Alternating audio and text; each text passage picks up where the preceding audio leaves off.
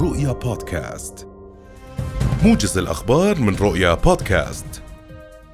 أعلنت القوات المسلحة الأردنية الجيش العربي اليوم عن تنفيذ تمرين عسكري أمني مشترك في محافظة مأدبة. يتخلله جهد جوي إضافة إلى العمليات الأرضية.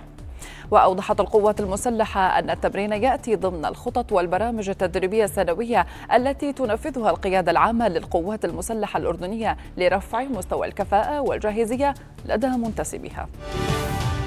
قال عضو اللجنة الوطنية لمكافحة الأوبئة الدكتور بسام حجاوي اليوم إن الوضع الصحي في الأردن مطمئن ومستقر مبينا أنه لا عودة إلى أي إجراءات في حال ظهور متحورات جديدة من فيروس كورونا وأضاف حجاوي في حديث لرؤيا أن الأردن في العشرة أسابيع الأخيرة لم يسجل أكثر من 500 إصابة بفيروس كورونا في الأسبوع الواحد.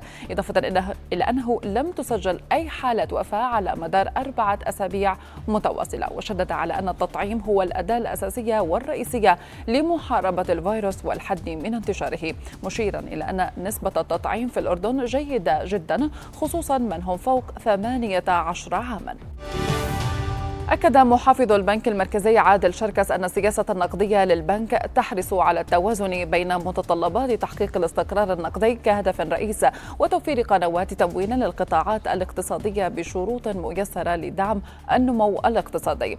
وأضاف شركس إلى أن معدل التضخم في المملكة لا يزال ضمن حدود معقولة رغم الموجة التضخمية العالمية إذ لم يتجاوز 2.6 من خلال الشهور الأربعة الأولى من العام الحالي متوقعا أن أن يسجل معدل التضخم مستوى يتراوح حول 3.8 في نهاية العام الحالي.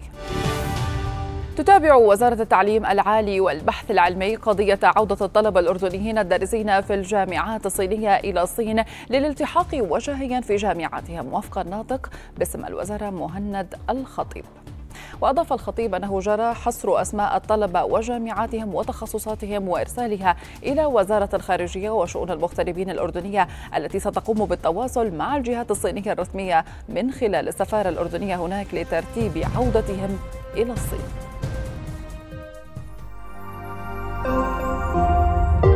رؤيا بودكاست.